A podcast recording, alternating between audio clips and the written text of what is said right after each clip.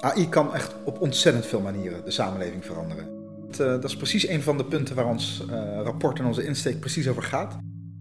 Je hoort de stem van Haroon Sheikh, senior onderzoeker van de WRR, de Wetenschappelijke Raad voor het Regeringsbeleid. Hij is projectcoördinator van het rapport dat de Nederlandse overheid adviseert over hoe we het beste het AI-tijdperk kunnen binnenstappen. AI staat voor Artificial Intelligence, oftewel kunstmatige intelligentie. Uh, wij verwachten eigenlijk dat er heel veel onverwachte dingen zullen gebeuren. Hebben we geprobeerd in dit rapport juist een kader daarvoor te bieden. Hoe ga je om met een technologie die eigenlijk inherent zo divers is, dat je heel moeilijk kan zeggen wat er precies over 15 jaar gaat gebeuren. U staat op het punt uw rijexamen af te leggen. En dat bestaat uit twee gedeelten. De theorie en de praktijk. Met de praktijk kunnen we u niet helpen, maar met de theorie wel. Eind 19e eeuw is er met de verbrandingsmotor en de auto ook zo'n systeemtechnologie geïntroduceerd, die onze samenleving ingrijpend heeft veranderd. Stapt u dan maar in en uh, start u maar. Als Shell in de jaren 60 dit reclameplaatje maakt om de jeugd voor zich te winnen, weten we nog maar half wat die auto met zich meebrengt.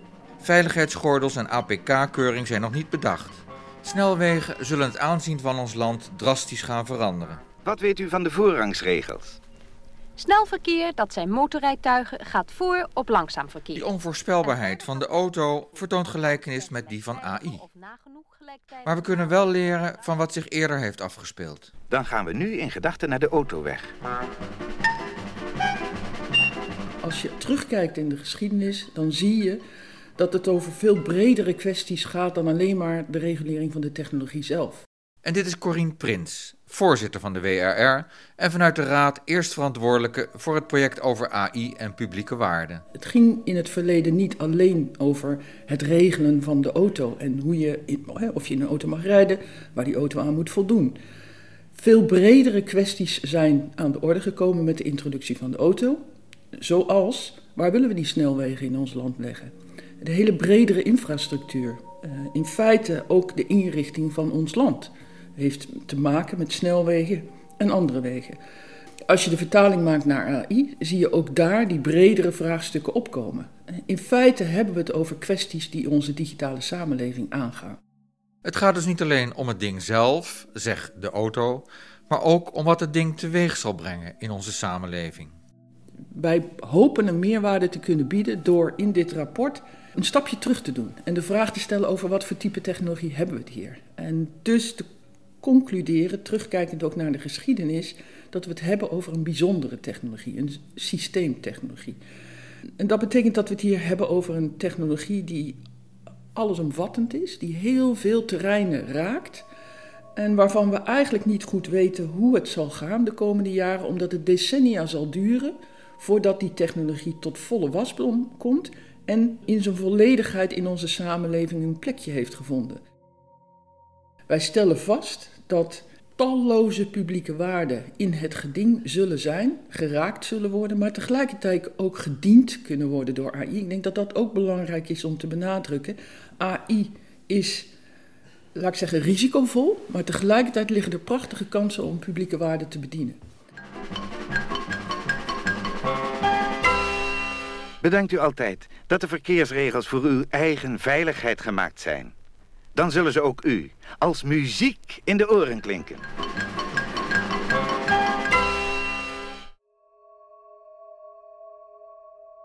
Hoe gaan we tegen deze technologie aankijken?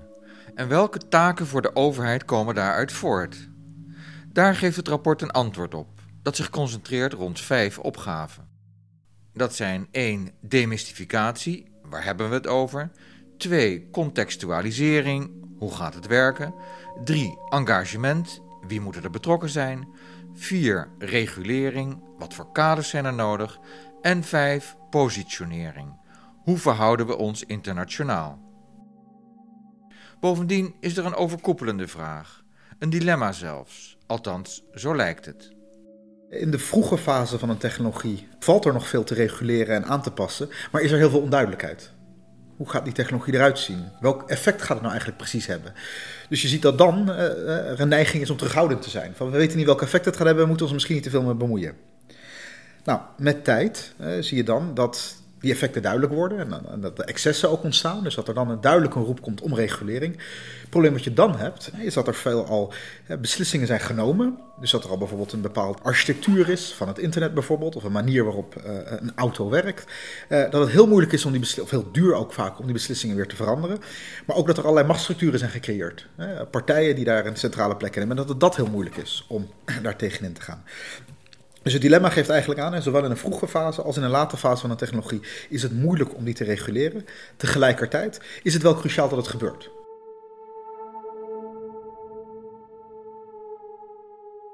Regulering is nodig. Hè? Al die, die, die, problemen die zorgen ervoor, zeker gaandeweg, dat zo'n technologie uh, uh, allerlei effecten heeft waar de overheid uiteindelijk verantwoordelijk voor is. Hè? Die de uh, publieke waarde die de overheid dient te borgen.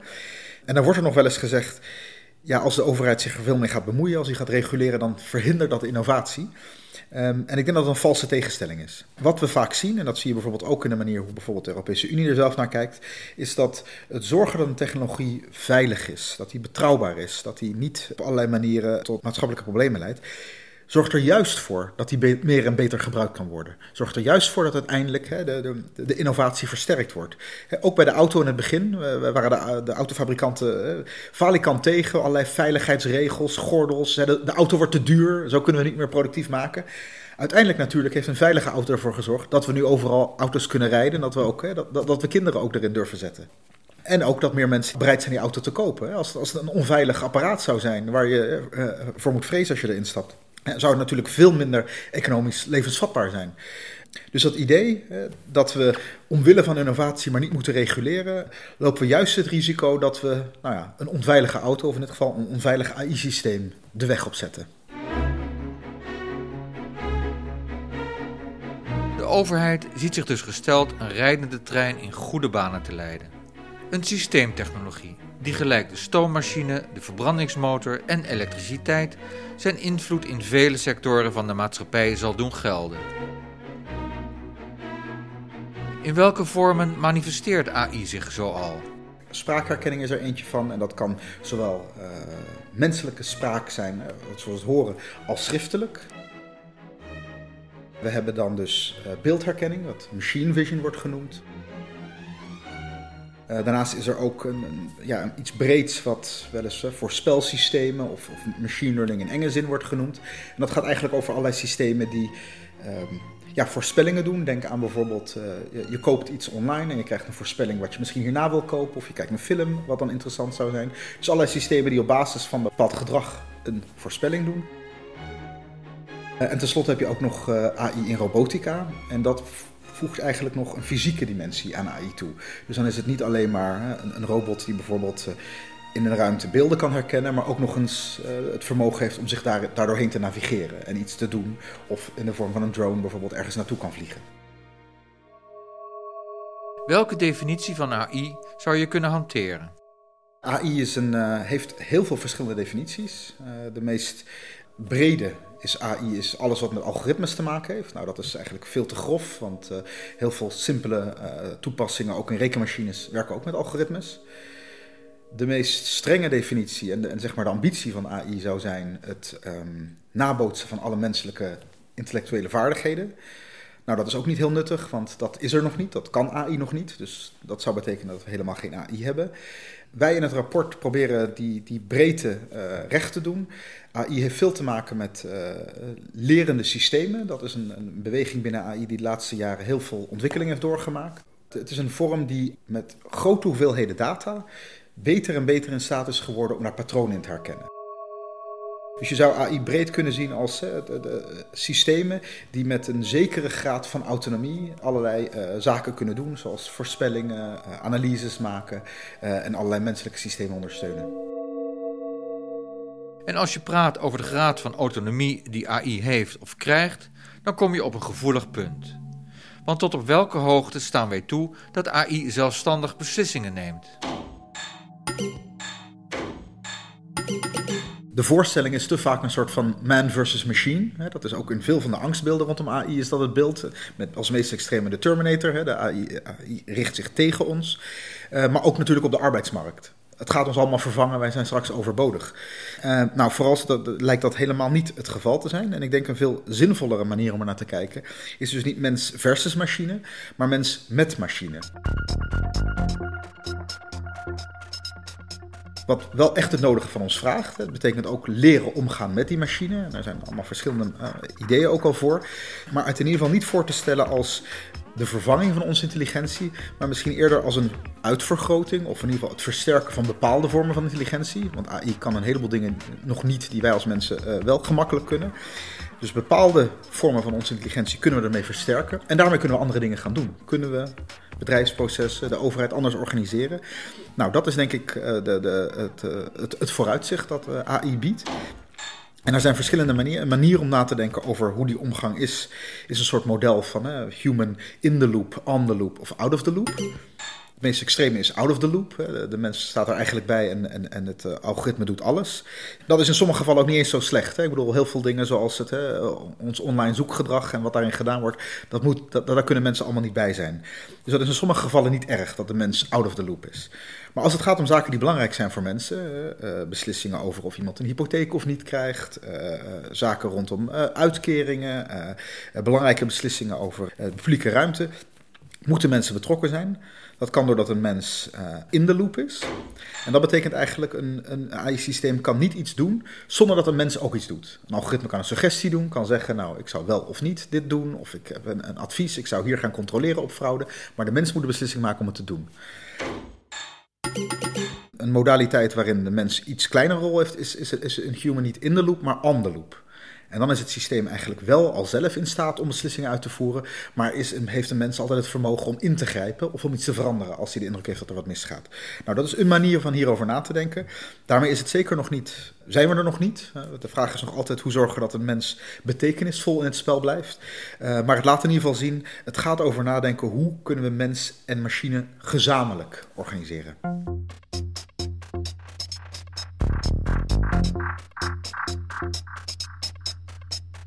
Haroon Sheikh zei het al. Het idee dat AI het langzaam van ons gaat overnemen, is voor sommige mensen een angstbeeld. Aan de andere kant leven de gedachte dat AI onze grote problemen gaat oplossen, zoals armoede, de gevolgen van klimaatverandering of misschien wel het voorkomen van burgerslachtoffers in een oorlog. Het ligt natuurlijk genuanceerder. AI moet op de juiste waarde worden geschat. Waar hebben we het over? Wij zeggen heel belangrijk om uh, inbedding in onze samenleving handen en voeten te geven, is demystificatie. Over wat voor type technologie hebben we het? Wat, wat is het in realistische zin? Wat vermag deze technologie? Wat kunnen we met deze technologie? Demystificatie is een van de vijf opgaven die volgens de WHR de overheid als haar taak moet rekenen. Doen we dat niet, dan kan dat leiden tot afkeer van AI waardoor we er niet of onvoldoende de vruchten van kunnen plukken. Hier staat ook het vertrouwen van de burger op het spel. Een goed beeld van wat AI is en niet is, komt ook de kwaliteit van het publieke debat ten goede. Uit de vijf opgaven die je nu hoort, vloeien later in deze podcast elk twee aanbevelingen voort. Maar nu eerst opgave nummer 2. De tweede opgave is uh, wat we noemen contextualisering. De vraag die daarbij hoort is: hoe gaat het werken? Waar dus uh, demystificatie vooral gaat over de beeldvorming, gaat dit meer over de praktijk. Een technologie kan in abstracto, kan in het lab goed werken, maar hoe zorgen dat het in een specifieke context gaat werken? En die vraag beantwoorden door eigenlijk steeds te kijken naar wat is er nou nodig in de omgeving van een technologie om te zorgen dat het praktisch gaat werken. Dat, dat heeft een, eh, een technische en een sociale kant. De technische kant, ik volg het op het voorbeeld van Corine, denk aan die auto. Die auto die verbeterde steeds. Maar wat we ook nodig hadden was een wegennet.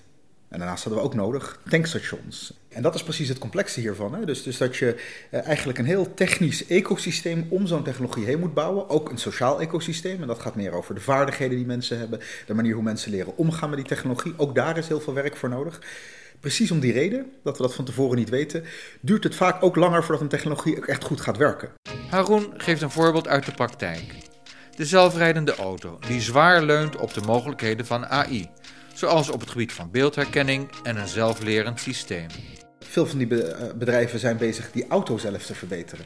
Maar als we hier dan specifiek kijken naar contextualisering, um, die auto's moeten een omgeving goed kunnen lezen. Hoe ga je dan om met uh, borden die van land tot land een ander karakter hebben? Of plotseling een weg opgebroken wordt en dat met hele andere manieren gebeurt uh, dan het ergens anders gebeurt. Huidige algoritmes, huidige uh, zelfrijdende auto's, zouden daar geen raad mee weten.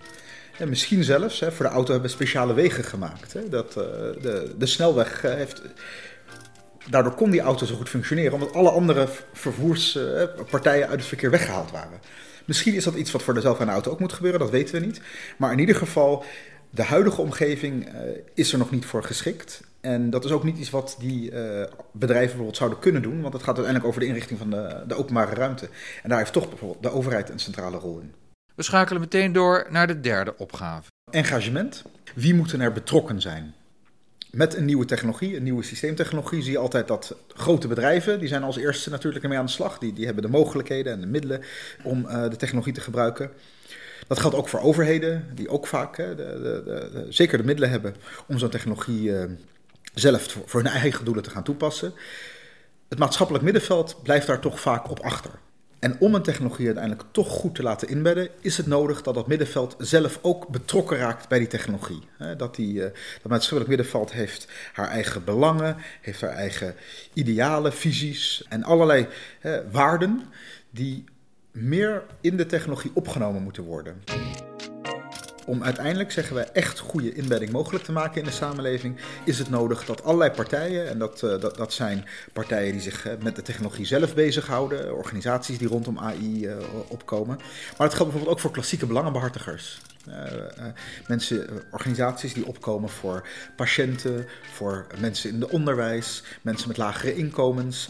Alle soort klassieke belangenbehartigers langs scheidslijnen in de samenleving of langs allerlei vormen van ongelijkheden. Daarvoor is het nodig dat die partijen versterkt worden, zodat zij hun stem ook kunnen laten horen rondom AI. Zo heeft de Sociaal-Economische Raad al in 2018 een handleiding opgesteld waarmee ondernemingsraden kunnen anticiperen op technologische ontwikkelingen, waaronder ook AI. En bij de laatste verkiezingen heeft ook een andere klassieke stem zich over AI uitgesproken, de Consumentenbond. De bond heeft een manifest opgesteld waarin ook AI wordt aangekaart. Je hoort woordvoerder Gerard Spierenburg. Wij merken dat uh, consumenten de nadelige effecten ervaren van uh, artificial intelligence of algoritmes. En dat uh, speelt op verschillende vlakken. Bijvoorbeeld op het gebied van hypotheken, dat je moeilijker een hypotheek krijgt of dat je een hogere premie betaalt.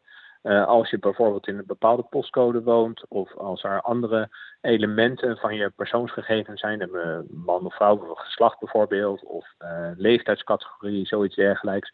Dat zijn allemaal kenmerken op basis waarvan onder andere je premie bepaald wordt, je maandlasten. En dat geldt voor hypotheken, maar ook voor verzekeringen. Bij verzekeringen geldt bijvoorbeeld dat als je in een bepaalde postcode woont of een bepaalde type of kleur auto hebt of iets dergelijks, uh, of als je ook een bepaalde leeftijd hebt, dat je meer premie betaalt. De Consumentenbond heeft niet zozeer bezwaar tegen differentiatie in tarieven op zich, maar wel als dat gebeurt op onbekende of mogelijk onjuiste gronden. En dat terwijl mensen daar niet van op de hoogte zijn.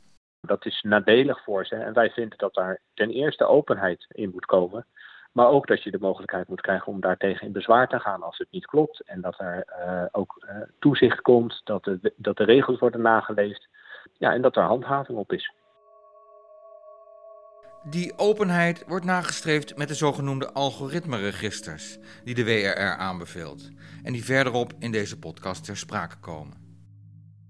Toevalligerwijs plaatst enkele dagen na het gesprek met Spierenburg KPMG in NRC Handelsblad een advertorial, waarin dit accountantskantoor meldt dat het voor het verzekeringswezen een verplicht ethisch kader heeft ontworpen, die uitsluiting van consumenten op basis van AI moet voorkomen. AI wordt naar verluid gebruikt om de verzekerbaarheid van risico's in kaart te brengen, maar dat mag niet leiden tot een computer die nee zegt.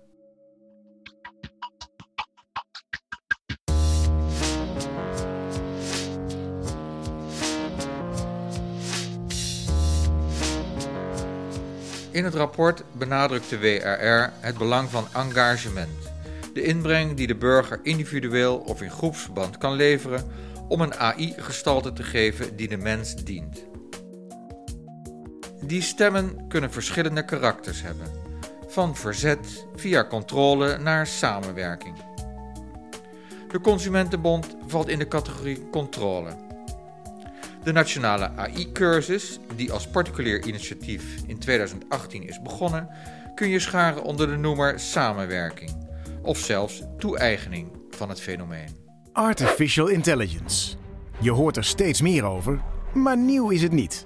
Waarom is het dan zo'n hot topic? En wat heeft dat met jou te maken? Alles. De eerste stappen op het gebied van AI werden halverwege vorige eeuw al gezet. Maar door de mogelijkheden van nu maakt de ontwikkeling van AI enorme stappen. Artificial intelligence wordt de meest ingrijpende technologische ontwikkeling van de komende decennia. Er wordt zelfs gezegd ingrijpender dan het internet of smartphones. Kun je je dat voorstellen? Jim Stolze, oprichter van de Nationale AI-cursus, kun je dat voorstellen? Wauw, nou ja, ik wil het me heel graag kunnen voorstellen. En ik vind eigenlijk dat iedereen dat zou moeten doen. Want inderdaad, AI is een heel ingrijpende technologie. En het staat echt nog in de kinderschoenen. Dus het is eigenlijk heel spannend om erbij stil te staan dat wij, onze generatie, zitten nu een beetje aan het roer. Wij zitten aan de tekentafel, wij kunnen het vormgeven. Dus ja, ik doe eigenlijk niks anders dan het mezelf uh, voorstellen. En ja, daar word, ik, daar word ik erg enthousiast van. Het mooie is, ik ben al wat langer geïnteresseerd, zo niet professioneel geobsedeerd door, uh, door technologie in zijn algemeenheid en AI in het bijzonder. Uh, AI is ja, sinds 2015 aan een soort opmars uh, begonnen, ook buiten de computerwetenschap zou je kunnen zeggen. Dat steeds meer mensen erover hoorden of erover lazen. En als je niet goed weet wat het is, dan kan je daar ook best wel door overvallen voelen. Dat je denkt, oh, maar als een robot dat al kan, of als een stukje software dat ook al kan, wat betekent dat dan niet? Of voor mijn werk, of uh, misschien voor de maatschappij. En uh, nou, met name journalisten, die gooien nog wat olie op het vuur, waardoor politici zich uh, genoodzaakt voelen er iets over te zeggen. En voor je het weet, loopt die discussie uit de hand zonder dat mensen zich echt hebben ingelezen. En dat was voor mij een reden om nou, niet alleen een boek te schrijven, maar ook om een, gratis cursus te beginnen, waar in ieder geval feitelijke informatie in wordt gedeeld. De nationale AI-cursus is online, is gratis voor cursisten en duurt 6 uur. De cursus wordt gesteund door tal van wetenschappers, organisaties en bedrijven die er hun medewerkers naartoe sturen. Er zijn nu 178.000 diploma's uitgereikt. De vierde opgave is regulering. De vraag die daarbij hoort is welke kaders stellen we?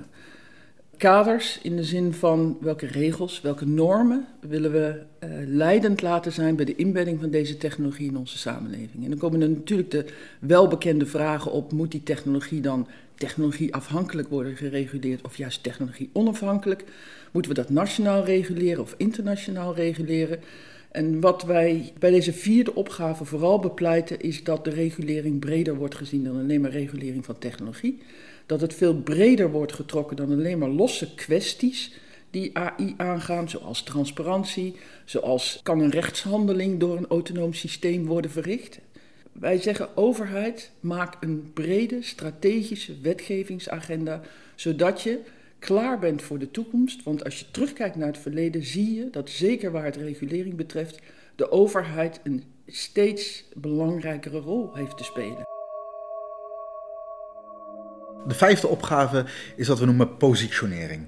De vraag die daarbij hoort is: hoe verhouden we ons tot het buitenland? Op dat internationale toneel gebeurt natuurlijk ook van alles. Er zijn eigenlijk twee grote thema's die we identificeren waar positionering over gaat. Het eerste is verdienvermogen. Hoe verhouden we ons in de internationale eh, economie? Hoe verhouden we ons? Welke plek willen we daarin vervullen? En ook hoe gaan we dan om met anderen daarbinnen? Je ziet binnen AI dat er nu heel sterk wordt gesproken van een soort van internationale race, waarbij landen met elkaar aan het concurreren zijn om AI. Nou, dat is misschien correct op sommige gebieden, maar wat wij in het rapport benadrukken is dat we ons verdienvermogen met AI juist ook kunnen versterken door meer in te zetten op samenwerking. Samenwerkingsverbanden met andere landen. En dat kan gaan van fundamenteel onderzoek tot aan uh, het versterken van bedrijven die ermee bezig zijn. Tot aan ook uh, samenwerking op het gebied van regulering van AI, zoals nu uh, binnen de EU bij uitstek gebeurt. Het tweede vraagstuk is veiligheid. ook dat is die internationale dimensie. Hoe zorgen we dat Nederland veilig blijft? En welke dreigingen komen er ook vanuit AI? je merkt dat de discussie daar heel erg gaat over autonome wapens. Ehm, dat is ook een, een, risico. En gelukkig gebeurt er op het internationale toneel ook heel veel om te kijken of we daar regulering en, en, en, en kaders voor kunnen ontwikkelen. Maar ik denk waar nog meer aandacht voor zou moeten zijn, zijn de andere manieren waarop AI veiligheid kan beïnvloeden. Uh, en dat zijn andere toepassingen in het leger, maar vooral ook AI in wat je zou kunnen zeggen de, gewone economie. In de manier waarop het uh, gebruikt wordt op sociale media platformen, in de opkomst van deepfakes, uh, die veelal op AI gestoeld zijn, in het gebruik van sentiment analysis en natural language processing, nou, allemaal termen van AI die gebruikt wordt in, op bijvoorbeeld sociale media. En daarmee ook veiligheidsrisico's kunnen vormen. En dat is waar de vijfde opgave over gaat. Veiligheid in de digitale wereld kan verbeterd worden met AI, waarin bijvoorbeeld cyberaanvallen en hacks snel kunnen worden gedetecteerd. Evenals pogingen tot het verspreiden van desinformatie omtrent maatschappelijke en politieke kwesties. In Nederland en in de rest van de wereld zijn tal van personen en organisaties actief die zich keren tegen autonome wapens. Onder hen bevinden zich bekende wetenschappers en industriëlen, zoals wijle Stephen Hawking en Elon Musk. In Nederland roert vredesorganisatie PAX zich, evenals de internationale organisatie WILPF, opgericht in 1915. Ik ben Ite van Dijk en ik ben actief in WILPF. En WILPF staat voor de Women's International League for Peace and Freedom, een vredesorganisatie. Waar wij ons uh, tegen verzetten is de ontwikkeling van wapens die kunstmatige intelligentie hebben. Wapens die zelf beslissen wat het doel wordt en ook zelf beslissen dat ze geweld inzetten. Dus zonder menselijk toezicht. En dat is een ontwikkeling die is nu gaande. Uh, je kan wel zeggen, er is een uh, glijdende schaal, helemaal naar beneden, waarbij die wapens het overnemen van de mens. En dat bedreigt de mensheid, naar ons idee. We hebben vorig jaar alle verkiezingscommissies van de politieke partijen benaderd. Die gingen programma's schrijven voor de verkiezingen van dit jaar. En we hebben ze voorgesteld om een uh, verbod op te nemen in het verkiezingsprogramma op dit type wapens. En is die opzet gelukt? Ja. Er zijn uiteindelijk in zes verkiezingsprogramma's is een zin gewijd aan deze wapens. Vijf meteen het internationale verbod op deze wapens. En één meer die vraagt aandacht voor de ontwikkeling van deze wapens. Uh, nou, we hebben nog geen regeerakkoord, laat staan een regering. Verwacht je dat die... Uh eh, dat die punten wel eh, eh, in het kabinetsbeleid zullen komen? Nog niet heel erg optimistisch over, maar we gaan natuurlijk door. En ja, op onze wensenlijst staat dat er campagnes komen om het gevaar van deze wapens, waar ook veel wetenschappers uit de robotica tegen waarschuwen, dat dit gevaar meer bekend wordt onder de bevolking, onder een breder publiek. En dat kan dan uiteindelijk ook betekenis hebben in de politiek. En jullie volgen ook de internationale discussie op dit punt? Ja, in Genève wordt uh, dit jaar uh, uitgebreid gediscussieerd in VN-verband over een internationaal verbod op dodelijke robotwapens. Nederland neemt daar helaas een heel terughoudend standpunt in. Andere landen zijn er heel erg voor. Oostenrijk loopt voorop. En aan het eind van het jaar zullen alle landen die bij een bepaald ontwapeningsverdrag zijn aangesloten een besluit nemen over of er een verbod komt op de ontwikkeling van dit soort wapens. Het is natuurlijk heel erg belangrijk dat uh, de beslissing over leven en dood niet aan machines of aan algoritmes worden overgelaten. Uh, als de mens het zelf gaat doen, dan is dat minder gevaarlijk, omdat men natuurlijk dan makkelijker de mensenrechten in acht kan nemen. Het hele oorlogsrecht en het internationale recht, dat staat dan veel meer op de agenda. En dan kan er niet een algoritme of een machine aan de haal gaan met het vermogen om mensen te doden. En als consequentie daarvan, als er mensen bij betrokken zijn, kun je niet meer de schuld geven aan machines.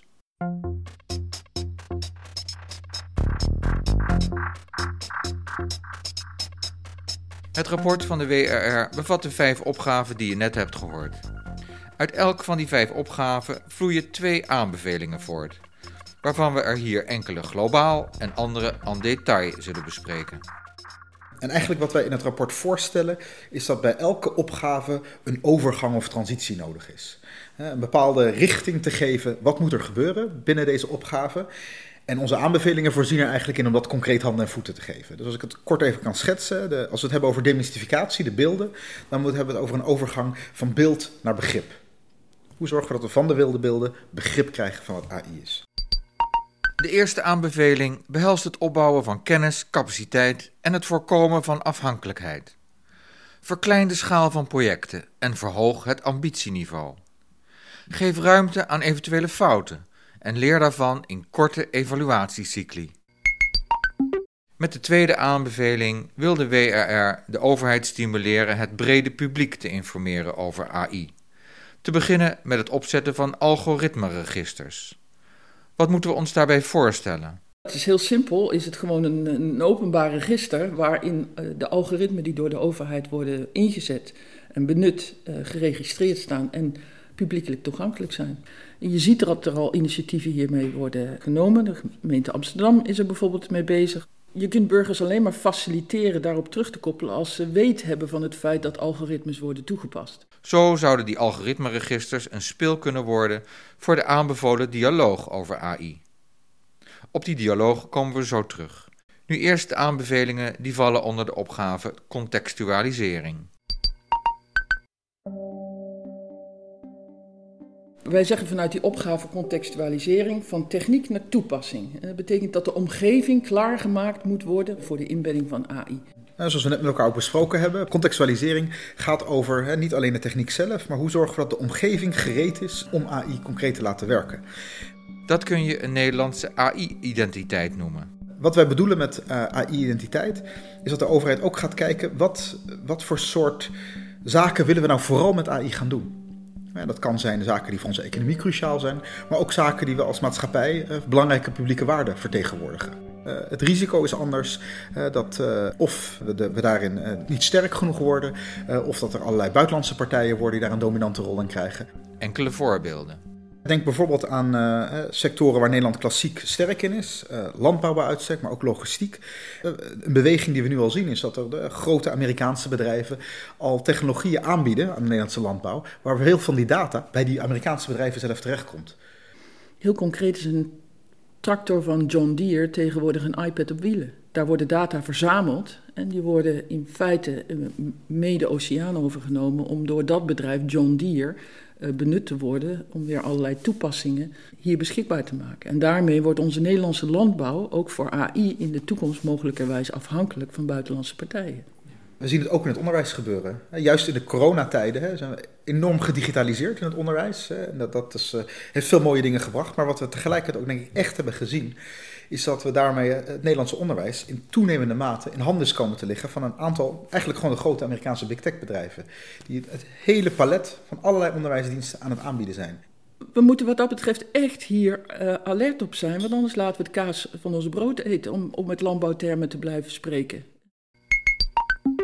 Aanbeveling 4. Versterk de vaardigheden en het kritisch vermogen van mensen die met AI-systemen werken en ontwikkel daarvoor een stelsel van opleiding en certificering.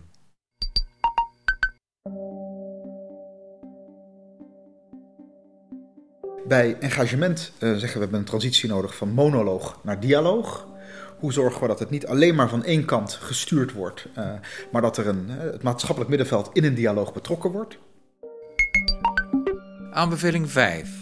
Versterk de capaciteit van maatschappelijke organisaties om hun werk te verbreden naar het digitale domein, in het bijzonder met betrekking tot AI. Aanbeveling 6.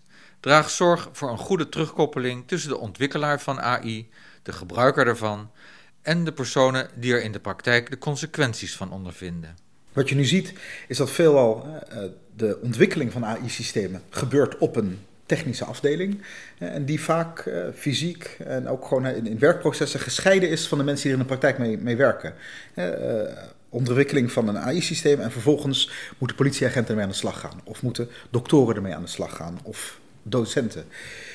Die mensen in die praktijk hebben zeer waardevolle kennis over wat er in die praktijk gebeurt. Kunnen ook hele waardevolle feedback geven over of een systeem wel of niet functioneert. En hebben dus die domeinkennis die die technische ontwikkelaars ontberen. Dat is één kant. Vervolgens zie je ook vaak dat er ook nog eens een keertje een burger verderop is die de effecten hiervan ervaart. In de voorbeelden die ik net noemde, dat is de burger die door de politie staande wordt gehouden. Dat is de patiënt die door de dokter behandeld wordt. Dat is de leerling die door de docent iets geleerd krijgt. Nou, ook daarvoor geldt, die hebben belangrijke kennis, inzichten, maar ook belangen en waarden die meer gehoord moeten worden. Aanbeveling 7. Koppel de regulering van AI aan een discussie over de inrichting van de digitale leefomgeving. En stel een brede wetgevingsagenda op. Accepteer daarbij dat de inbedding van AI een langdurig en voor een deel onzeker proces zal zijn. Regulering uh, is de transitie waar we het over hebben, van reactie naar regie. Er is al regulering, maar die heeft veelal reageert die op acute vraagstukken. Hoe kan de overheid die regie, die inrichtingsvraagstukken helder uh, in het vizier krijgen? Aanbeveling 8. Stuur via wetgeving actief op surveillance en dataverzameling, machtsconcentratie en de scheve verhouding tussen publiek en privaat in het digitale domein. De overheid kan gewicht in de schaal leggen met gerichte aanbestedingen. Tevens beveelt de WRR aan actief bij te dragen aan Europese wetgeving. En tenslotte, op het gebied van positionering, gaat het om een transitie van natie naar netwerk. Het afgaan van het beeld, wij zijn afgesloten van de wereld en daarbuiten zitten, zitten, onze concurrenten of, of, veiligheidsrisico's. Naar nadenken over de manier waarop we als netwerk verbonden zijn met allerlei andere partijen en daarbinnen onszelf positioneren. Aanbeveling 9. Versterk het Nederlands verdienvermogen met een AI-diplomatie die gericht is op internationale samenwerkingsverbanden. In het bijzonder die binnen de Europese Unie. Er zijn allerlei vormen waarin we door samenwerking onze, ons verdienvermogen kunnen versterken. En dat kan op heel veel verschillende fronten. Um, dat kan bijvoorbeeld op het gebied van uh, het, het, versterken van samenwerking op fundamentele wetenschap in AI. Er is al bijvoorbeeld uh, Claire, dat is een samenwerkingsverband van AI-wetenschappers. Ze hebben hun hoofdkantoor in Den Haag uh, gezet. Maar denk ook aan het ontwikkelen van AI en ook AI-gerelateerde technologieën. In een Europees verband is er nu bijvoorbeeld het Gaia X-project. Dat gaat over cloud en data-infrastructuur. Dat zijn allerlei vormen die kunnen bijdragen ook aan de competitiviteit van Nederland in AI. Weer een ander veld, uh, regulering en ook standaardisering. Binnen EU-verband, uh, de Europese Unie heeft een, een concept, verordening voor AI. Doet daarmee een eerste grote aanzet om AI te reguleren. Nou, dat zijn dus allemaal dat is een heel breed palet. En wat wij voorstellen met AI-diplomatie is om daar op een geïntegreerde manier naar te kijken. En in de voorhoede te zitten. Want als je het expliciteert als AI-diplomatie en je hebt erover nagedacht, wij constateren toch ook dat er heel veel reactief is. Of Frankrijk en Duitsland hebben het voortouw al genomen en maanden later komt Nederland nog eens. Of een jaar later komt Nederland nog eens. Aanbeveling 10. Versterk de Nederlandse capaciteit tegen de groeiende informatieoorlog en de export van digitale dictatuur. Hoe urgent is AI voor Nederland? Heel urgent. Het, het, oogt misschien niet zo urgent omdat het een technologie is die eigenlijk nog ja, die, die vanuit het lab naar de samenleving gaat, zoals we in het rapport ook beschrijven. Maar tegelijkertijd zie je dat een aantal landen eh, mondiaal, China, Verenigde Staten, in Europa, eh, Frankrijk, Duitsland, Verenigd Koninkrijk geen lid meer, maar eh, toch wel Europa, hier enorm op inzetten. Tegelijkertijd zie je ook dat partijen die inmiddels al een machtspositie hebben verkregen op het terrein van bijvoorbeeld data, de grote Amerikaanse techbedrijven, zich roeren op het terrein van AI.